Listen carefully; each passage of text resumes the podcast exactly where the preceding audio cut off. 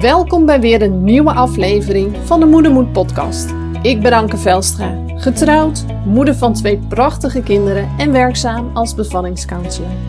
De geboorte van je kind is een van de meest bijzondere dingen die je kunt meemaken in je leven.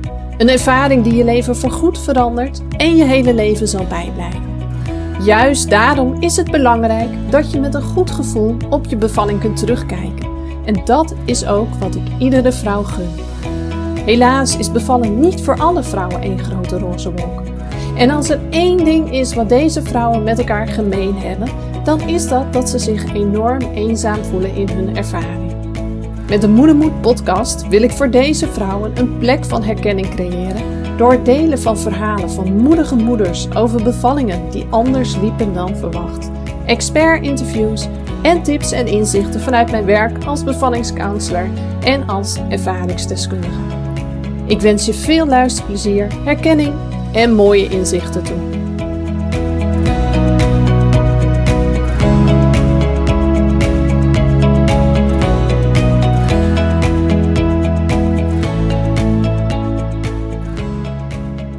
Hey, wat leuk dat je er weer bent. Nieuwe aflevering weer van de Moedermoed podcast.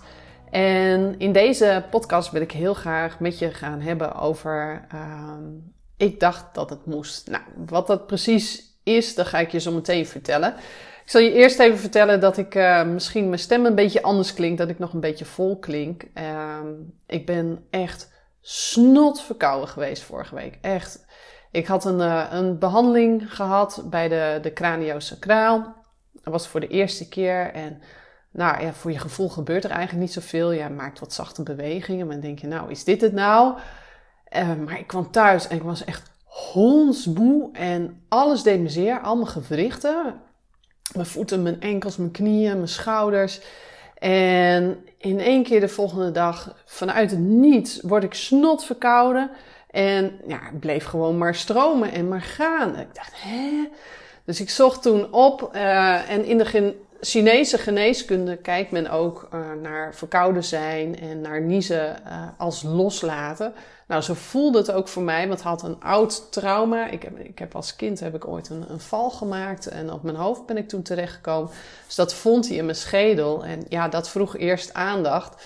Uh, dus ja, kennelijk zat daar al heel lang iets opgeslagen wat door die behandeling los was gelaten. Dat ik uit het niets snot en een snot verkouden werd. Maar ja, in deze tijd met corona had ik wel zoiets van, mm, ik misschien toch, ik heb eerst twee dagen afgewacht en toen had ik zoiets van, ja, ik ga bijna op wacht voor mijn eerste doula-cliënt. Uh, dus ja, die kan elk moment gaan bevallen en dan wil ik er graag bij zijn om te kunnen ondersteunen. Uh, ja, dan moet ik wel zeker weten dat het geen corona is. Dus uiteindelijk heb ik me laten testen. Heb ik al twee keer eerder laten doen. En meestal had ik zo'n 24, 28 uur later had ik de uitslag wel. En nu was het al meer dan 48 uur verder. En begon het wel te knijpen, want ik had ook nog wat afspraken staan voor mijn werk. Uh, ik doe veel online, maar uh, ook wel fysiek. Dus ik denk, ja, kan ik dat nou door laten gaan of niet? Nou, gelukkig op het laatste moment kwam toch de uitslag binnen en die was hartstikke negatief. Dus nou ja, gewoon echt verkouden. En um, inmiddels um, ja, hang ik er al meer dan een week in. Ik heb er niet zo heel veel last meer van, maar ik klink gewoon nog heel vol. Ik merk gewoon dat er heel veel slijm zit. Maar sinds deze week weet ik ook uh, dat, dat ik astma heb. Dus dat zal hierin ook nog wel uh, meespelen, waardoor het allemaal nog zo klinkt. Dus ja, en ik ging natuurlijk uitstellen om een podcast op te nemen. Zo van, nou, ik moet nog maar even wachten, want mijn stem klinkt nog een beetje verkouden en vol. Ik had nu zoiets van, nee, ik ga het toch gewoon doen. Uh, dus je moet het maar even doen met deze stem. En als je het niet leuk vindt, dan, uh, dan zet je hem maar uit. Ook prima. Um, het onderwerp waar ik het over wil hebben. Ik was uh, van de week op bezoek bij een, een nieuwe cliënt van mij. En ja, om het gewoon maar te zeggen, de meeste cliënten die bij me komen, komen of voor het verwerken van het trauma bij me of voor de voorbereiding op, op de bevalling. En de meeste cliënten die komen voor de voorbereiding op de bevalling, ja, die hebben allemaal iets meegemaakt. Die hebben iets in hun rugzak zitten wat maakt dat ze bevallen gewoon heel erg spannend vinden. En dat kunnen verschillende redenen zijn. Dat, dat kan zijn bijvoorbeeld uh, doordat ze een eerdere heftige bevalling hebben meegemaakt. En ja, heel graag nog een kindje willen, maar zo'n ervaring als de eerste gewoon absoluut niet meer willen. Uh, het kan zijn dat ze iets uh, in, vroeger in hun leven hebben meegemaakt. Misschien hebben ze een heel ernstig auto-ongeluk gehad of zijn ze ernstig ziek geweest en hebben ze veel in het ziekenhuis gelegen, veel medische behandelingen gehad, uh, waarin ze niet altijd even goed zijn behandeld en zich niet altijd even goed gehoord en gezien hebben gevoeld en daar een angst hebben ontwikkeld. Maar ik merk ook wel, of komen ook wel cliënten bij mij die ehm, een, een, een, een, na de seksuele ervaring hebben gehad of uh, met misbruik te maken hebben gehad. Um, er komen mensen met mij die last hebben van angst- en paniekklachten. Dat is eigenlijk over het algemeen de doelgroep waar ik mee werk. En natuurlijk, als je dit soort ervaringen met je meedraagt in je rugzak, uh, is het heel logisch dat je de bevalling heel spannend vindt en uh, dat je daar ook best wel al stress van hebt. Van hoe komt het allemaal? Um, van de week was ik dus bij een cliënt en um, nou ja, we gingen wat, wat dingen doorspreken over de bevalling. Hey, wat kun je verwachten? En deze cliënt was heel erg bang en ik ga verder niet vertellen waarom dat is. Dat vind ik helemaal niet belangrijk. Uh, ik, ik bewaak ook echt de privacy van mijn cliënten. Dat vind ik heel belangrijk. Maar deze cliënt vertelde mij van ik word al heel erg bang bij de gedachte dat er mensen uh, aan mijn lijf gaan zitten terwijl ik dat niet wil. Uh, en een van de dingen die, die, die vooral heel erg uh, spannend vind, is bijvoorbeeld een vaginaal touché. Om te kijken hoeveel ontsluiting je hebt. en al dat soort dingen, die soms ook wel ongevraagd gebeuren, die gaven deze cliënt heel, heel, heel veel spanning. En zij is niet de enige hoor. Eigenlijk geeft dit bij al mijn cliënten heel veel spanning. En we gingen daarover in gesprek. En naarmate het gesprek vorderde, zei ze op een gegeven moment ook tegen mij. Toen ik haar vertelde van ja, maar als jij dat echt niet wilt, en je hebt er natuurlijk een hele legitieme reden voor, maar als jij dat echt niet ziet zitten, als jij dat zo beangstigend vindt, dan hoeft het er niet. Er is niets dat moet. En toen keek ze me ook echt aan en dat gaf haar ook een stuk ruimte. En toen zei ze ook, ja, maar ik dacht dat het moest. En weet je, dat hoor ik zo ontzettend veel. En niet alleen bij de cliënten die ik help bij de voorbereiding. En ergens ben ik dan blij dat dit dan te sprake komt. Want dan kan ik ze ook helpen dat ze op heel veel vlakken heel veel keuzes en opties hebben die ik met hen kan doornemen, zodat ze het gevoel hebben van hé, hey, ik hoef me niet helemaal over te leveren aan het ziekenhuis of aan mijn zorgverleners en al de controle en regie over mezelf, over mijn lijf uit handen te geven. Ik heb daarin nog steeds een stem. En dat geeft al vaak heel erg veel ruimte. Uh, op dat stuk, maar ik hoor het ook heel veel achteraf. Ik heb natuurlijk heel veel cliënten die ik help bij traumaverwerking. En een van de onderdelen is dat ik ook luister naar hun verhaal als ze dat zouden willen delen. Hè. Uh, het hoeft niet per se, maar de meeste vrouwen vinden het ook wel heel fijn om hun verhaal nog een keertje te doen, uh, een luisterend oor te ervaren. Iemand die eigenlijk geen oordelen daarover heeft, maar uh, ja, echt hen ziet en hoort in hun verhaal. Dus de meeste cliënten kiezen er wel voor om dat te doen. En dan hoor ik dingen in dat verhaal en uh, dat, dat, geeft mij dan vraagtekens. En dan zeg ik van, goh, hé, hey, wat maakt nou uh, uh, dat je dit besluit hebt genomen of dat dit is gebeurd? En ik hoor dan zo vaak, net zoals deze cliënten van de week, ja, maar ik dacht dat het moest of ik dacht dat dat zo hoorde. En ik dacht, ja, weet je, mijn zorgverleners of in het ziekenhuis zullen ze het wel weten. Dus ik ben eigenlijk daar blind op gegaan. Ja, en ik vind het zo jammer dat, dat heel veel vrouwen dan niet weten uh, dat er helemaal niets is dat moet. We denken heel vaak dat het moet. Uh, het wordt helaas ook vaak gebracht dat dingen moeten. Maar er is niets dat moet. Als jij echt iets niet wilt of je ziet echt iets niet zitten, dan hoeft het niet. begrijp me wel goed, daarmee probeer ik niet te zeggen dat je tegen alle hulp, alle interventies nee moet zeggen. Maar je moet het wel goed afwegen. Want als je bij voorbaat al tegen alles nee zegt, ja, weet je, en je komt in een situatie waarin dingen wat spannend worden of dingen anders lopen dan verwacht, dan zet je jezelf klem. Dan zet je ook je zorgverlener klem en dan breng je jezelf, maar ook je kindje mogelijk in gevaar. Dus dat kan nooit de bedoeling zijn. Maar wat wel belangrijk is, is dat je de kans krijgt om ergens ook ja tegen te zeggen. Uh, in plaats van dat men zomaar allerlei handelingen gaat uitvoeren omdat dat routine is of omdat dat protocol is. En dat je ook weet, voordat je ja ergens tegen zegt, uh, dat je vaak ook nog keuze hebt in de manier waarop dat gebeurt. Uh, of dat er bijvoorbeeld voor een bepaald ding meerdere opties mogelijk zijn. Hè? Vaak wordt één optie genoemd, uh, maar mogelijk zijn er wel veel meer opties mogelijk. En dat je ook weet van die opties. Um, wat zijn de voor's en tegens van beide opties? Uh, cijfertjes zijn bijvoorbeeld heel erg belangrijk. Uh, als ik nu kies bijvoorbeeld voor een ruggenprik, uh, wat zijn de voordelen daarvan? Hè, ik noem even een voorbeeld om je een idee te geven van wat ik nu eigenlijk probeer te vertellen, om duidelijk te maken. Hè, er zijn zoveel vrouwen die zeggen van, nou, als ik te veel pijn heb, dan wil ik een ruggenprik. Maar weet je ook goed wat dat inhoudt, een ruggenprik? Weet je wat de voordelen ervan zijn? Maar weet je ook wat de nadelen ervan zijn? Heb je cijfers um, van een ruggenprik? Weten we bijvoorbeeld dat de kans op, op uh, ingrijpen tijdens je bevalling, bijvoorbeeld met een vacuumpomp, of dat het uiteindelijk een keizersnede wordt, een stuk groter is. Maar heb je ook de cijfers gehoord? Hoe groot die kans dan is? En, want je kunt je voorstellen als de kans 1% is of de kans is 45%, uh, dat dat nogal een verschil maakt als ik naar mezelf zou kijken, uh, maar dat deel schakel altijd uit als ik werk met cliënten. Want wat voor mij goed is, uh, hoeft niet te betekenen dat het voor jou ook goed is of de allerbeste keuze of optie is. Hè, dus ik, ik geef het aan, ik draag het aan, maar ik stuur nooit in het maken van een keuze. Dat doet de cliënt altijd zelf. Die verantwoordelijkheid dragen ze ook zelf.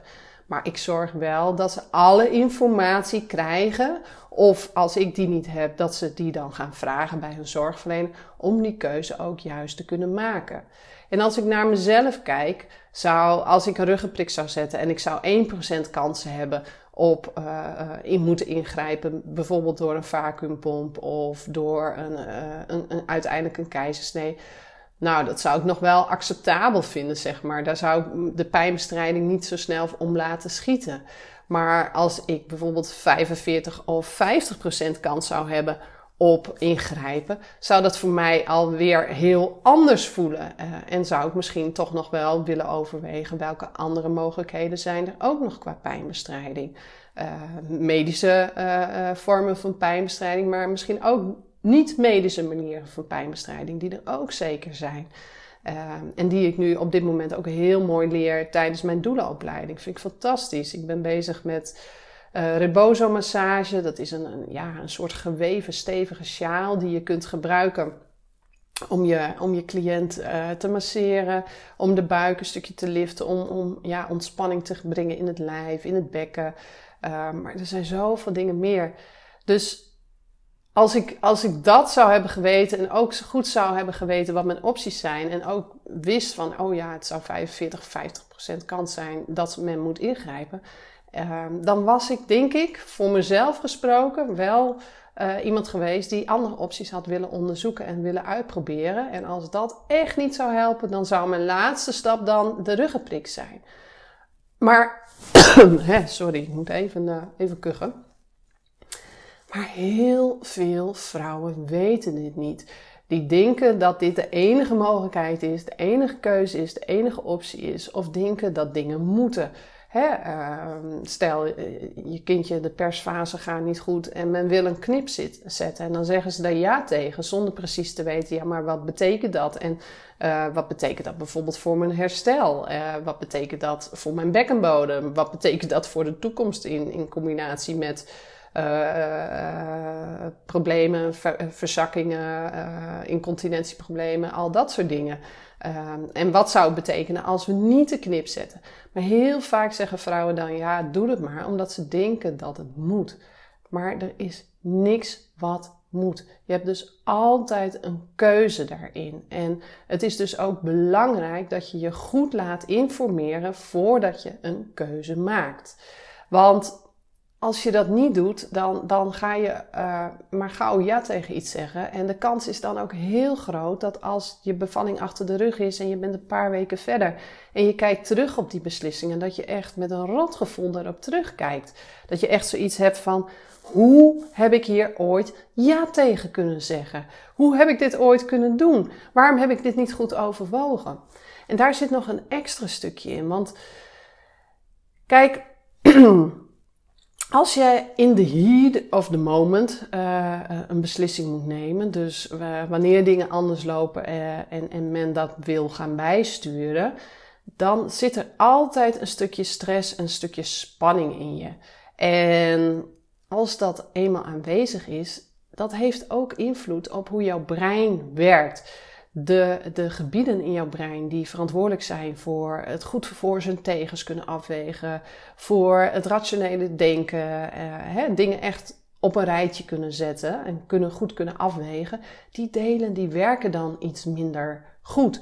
En dat heeft alles te maken met dat ehm, toen wij heel, heel, heel lang geleden nog in de oertijd leefden, waren wij veel aan het overleven. Hè? Wij leefden op een manier dicht bij allerlei roofdieren, gevaarlijke situaties.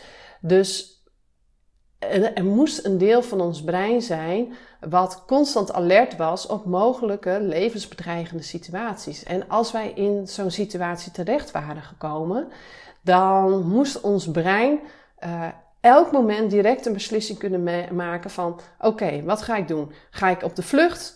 Ga ik vechten? Kan ik deze tegenstander, deze vijand, kan ik die aan? Of uh, als laatste optie, uh, ga ik in de freeze, doe ik net alsof ik dood ben en probeer ik op die manier de situatie te overleven. En weet je, ik zeg het nu van, oh, ik denk, hè, je gaat die stappen zetten. Maar dit gaat zo ontzettend snel en op een heel onbewust niveau. Um, dus eigenlijk beïnvloed je dat niet heel bewust. Dat, gaat, dat omzeilt je denkende brein. En pas later, toen wij ons verder gingen ontwikkelen als mensen, is dat denkende brein bij ons um, veel sterker geworden. Um, maar op het moment dat je in een stressige situatie zit, een spannende situatie zit, dan reageert ons brein nog steeds op dezelfde manier als dat je nu oog in oog zou staan met een roofdier, terwijl je niet in zo'n situatie zit.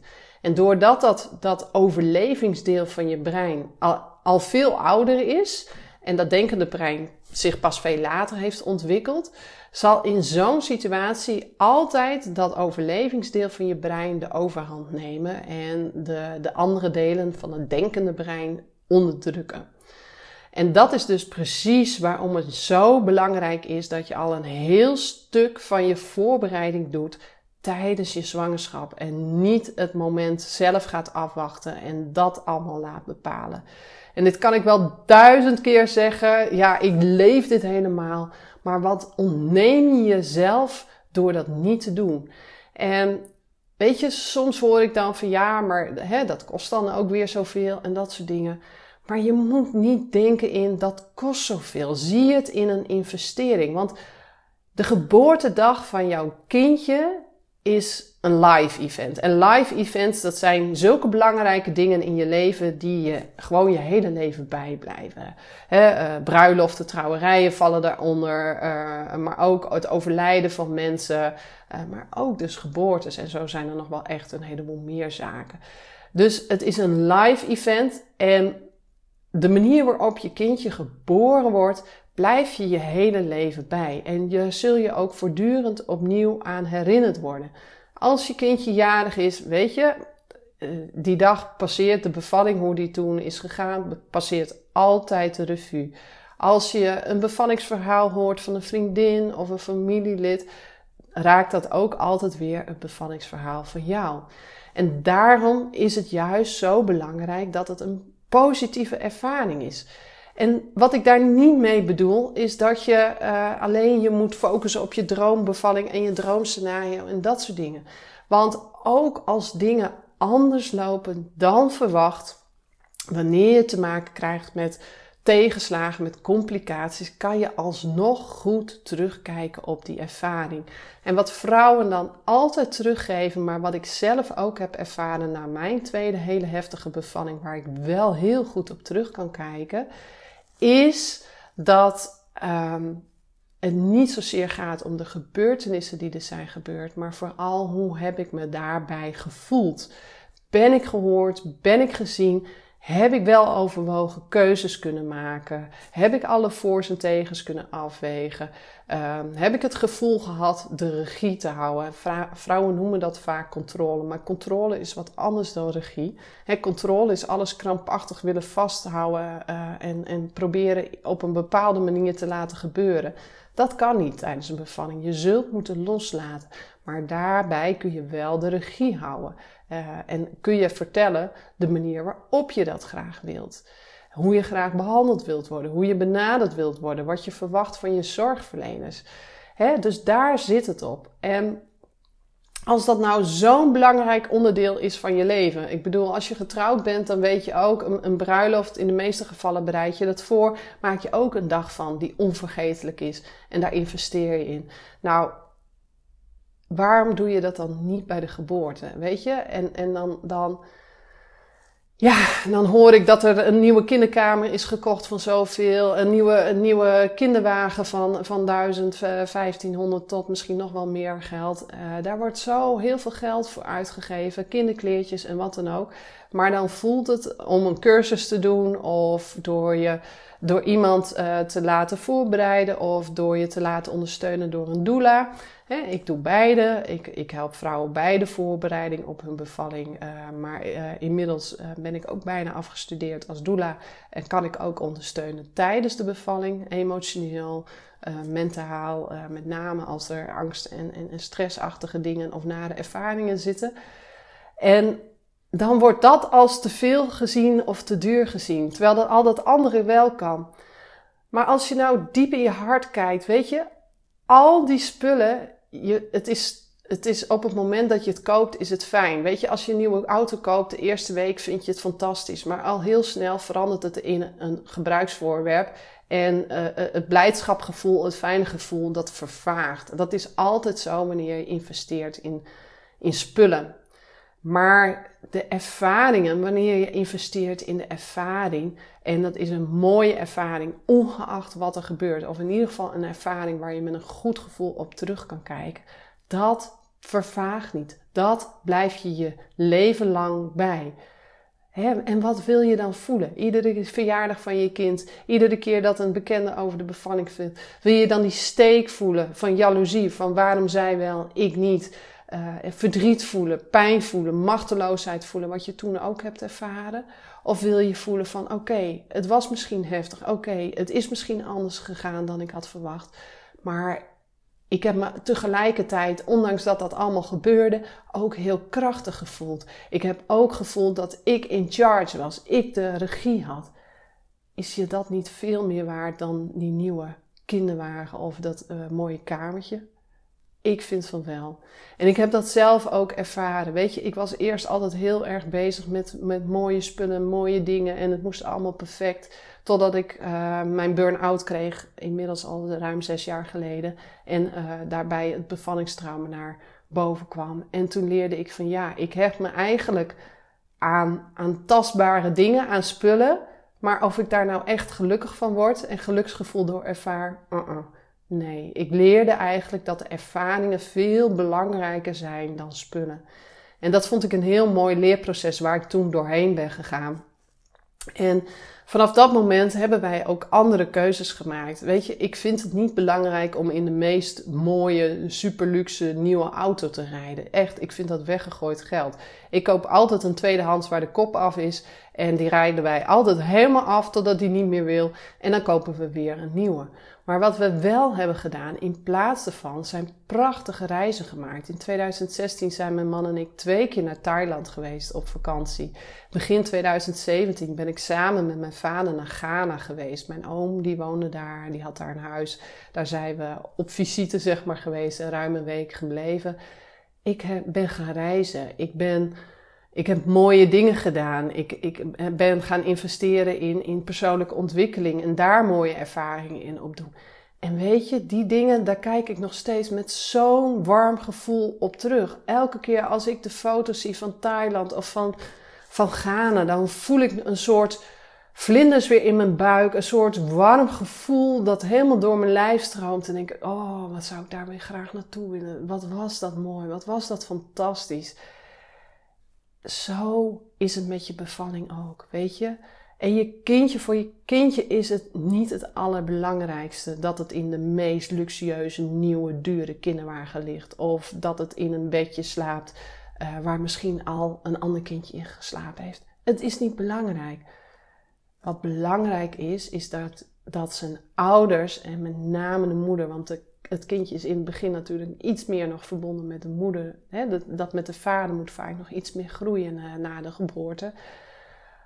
Maar dat de ouders terugkijken op een ervaring waarvan ze denken van yes, het was goed. Ik kan er met warme gevoelens op terugkijken. Het was liefdevol, ondanks wat er dan ook gebeurde.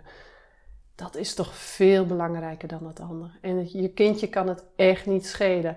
Ze hebben, als ze zo klein zijn, zo ontzettend weinig nodig. Ze zijn al met zo weinig tevreden. Zij groeien en leven op jouw liefde en opvoeding. Maar daaromheen, schone luiers is ook wel handig. Maar of het nou tweedehands kleertjes zijn, uh, dat het een tweedehands kamertje is of een kinderwagen die al eerder gebruikt is. Het is niet belangrijk. Maar die ervaringen tellen wel. En daarom zou ik persoonlijk, en zo heb ik dat zelf ook ervaren, nooit praten over het kost zoveel. Nee, het is de investering die ik doe. Het is de investering in een ervaring waar ik later met een goed gevoel op terug kan kijken. Tenminste, die kans maak je zo groot mogelijk. En daarom is het nooit, nooit weggegooid geld. En van de vrouwen die ik nu heb begeleid, ook in het stukje voorbereiding, die hebben dat allemaal gevoeld en ervaren. Die voelden hun eigen zelfvertrouwen groeien. ik, ik, ga volgende week op wacht voor mijn eerste doula-cliënten, waar ik ook bij de bevalling ga zijn. We hebben zo'n mooi traject. Ik kijk er met zo'n warm gevoel op terug en zij ook. Het was zo'n warme synergie tussen ons, uh, uitwisseling, uh, gelijkwaardigheid, vertrouwen waar we naartoe hebben gewerkt. En nu als de kers op de taart ga ik bijna op wacht. En ik was daar gisteren nog bij hen om de laatste voorbereiding, laatste dingetjes door te nemen. Ik heb de moeder nog lekker in de watten gelegd. Ik heb haar gemasseerd. Ik heb haar partner betrokken. We hebben wat dingen geoefend, gezien hoe, hoe ze uh, weeën kunnen opvangen, hoe ze de pijn kunnen verminderen. En hoe we kunnen samenwerken als team om het voor haar zo mooi mogelijk ervaring te maken. En dat voelt zo mooi. Wij zijn er ik ben er klaar voor. Ik, ik, ik heb zin om op wacht te gaan voor, voor, voor deze mensen. Uh, maar zij hebben dat ook. En zij hebben er ook zin in. Ze kijken er ook naar uit. Het voelt ook als een feestje. Ondanks dat ze het spannend vinden. Ondanks dat er dingen in de rugzak zitten die maken dat ze het spannend vinden. Maar we hebben met elkaar die switch kunnen maken, die draai kunnen maken. En ze kunnen nu eigenlijk echt met open armen hun kindje verwelkomen en verlangen en daar heel erg naar. Dat deden ze al, maar door dit stukje heb je daar nog een stukje extra aan kunnen toevoegen. Dus ja, wat wil ik je nou eigenlijk meegeven met deze podcast? Ik ben van het ene begonnen in het andere terechtgekomen. is meestal zo als ik een podcast opneem. Ik ben begonnen met het stuk van er is niks wat moet.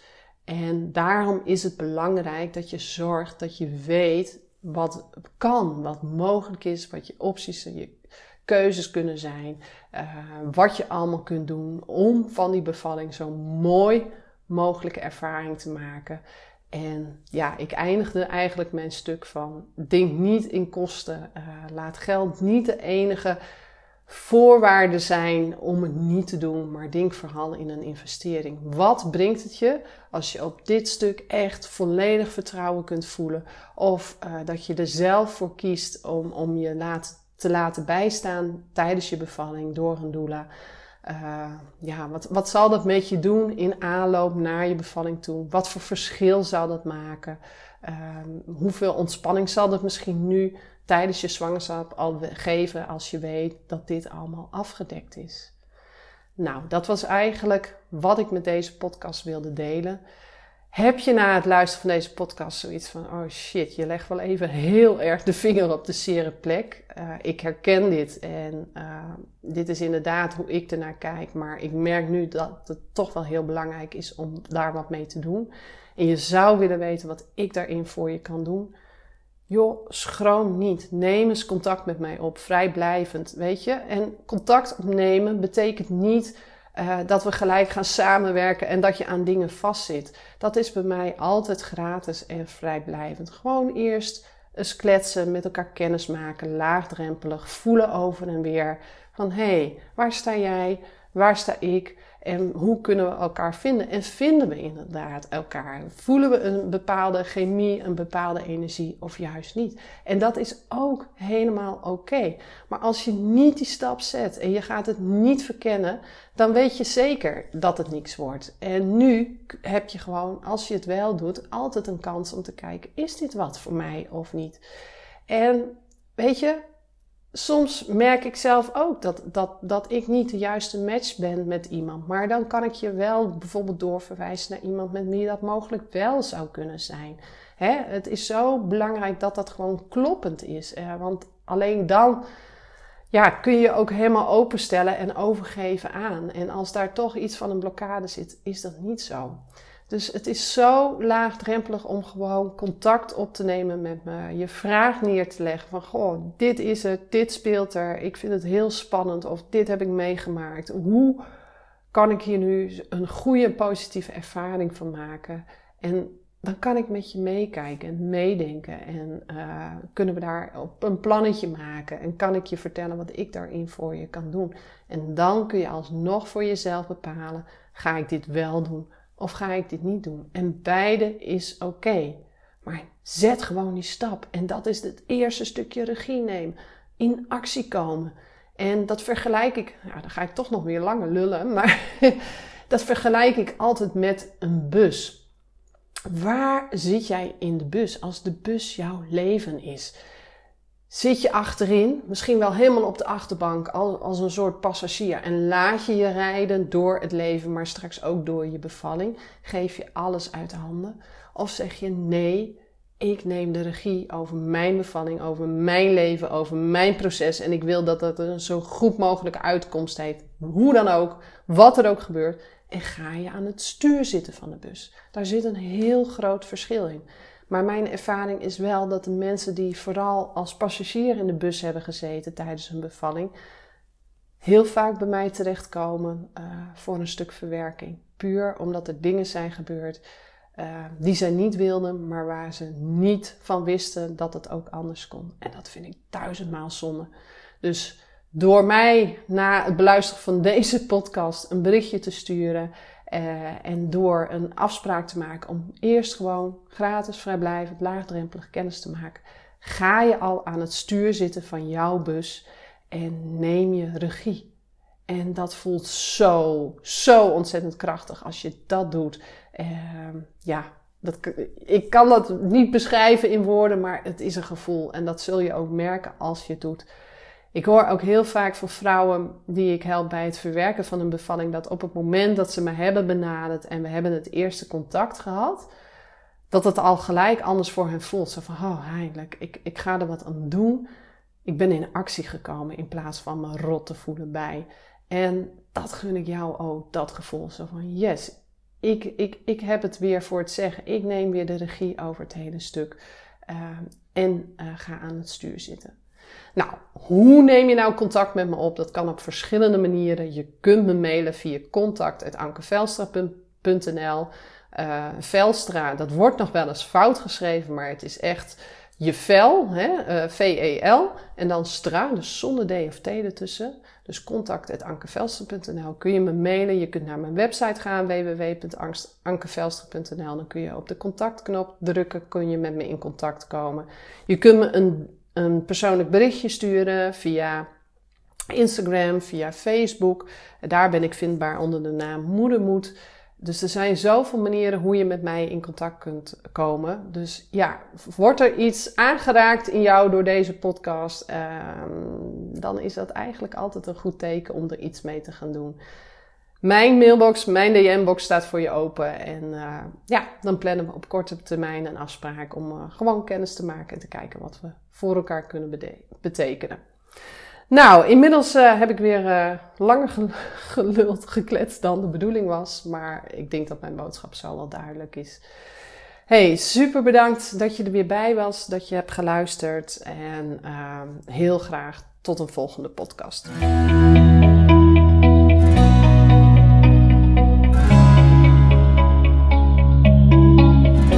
Erg bedankt voor het luisteren naar deze aflevering van de Moedermoed podcast.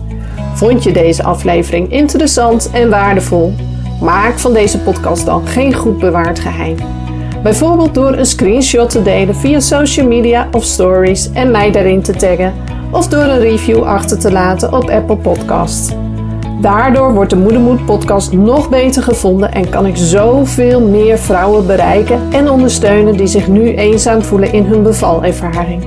Dankjewel alvast en heel graag tot de volgende podcast.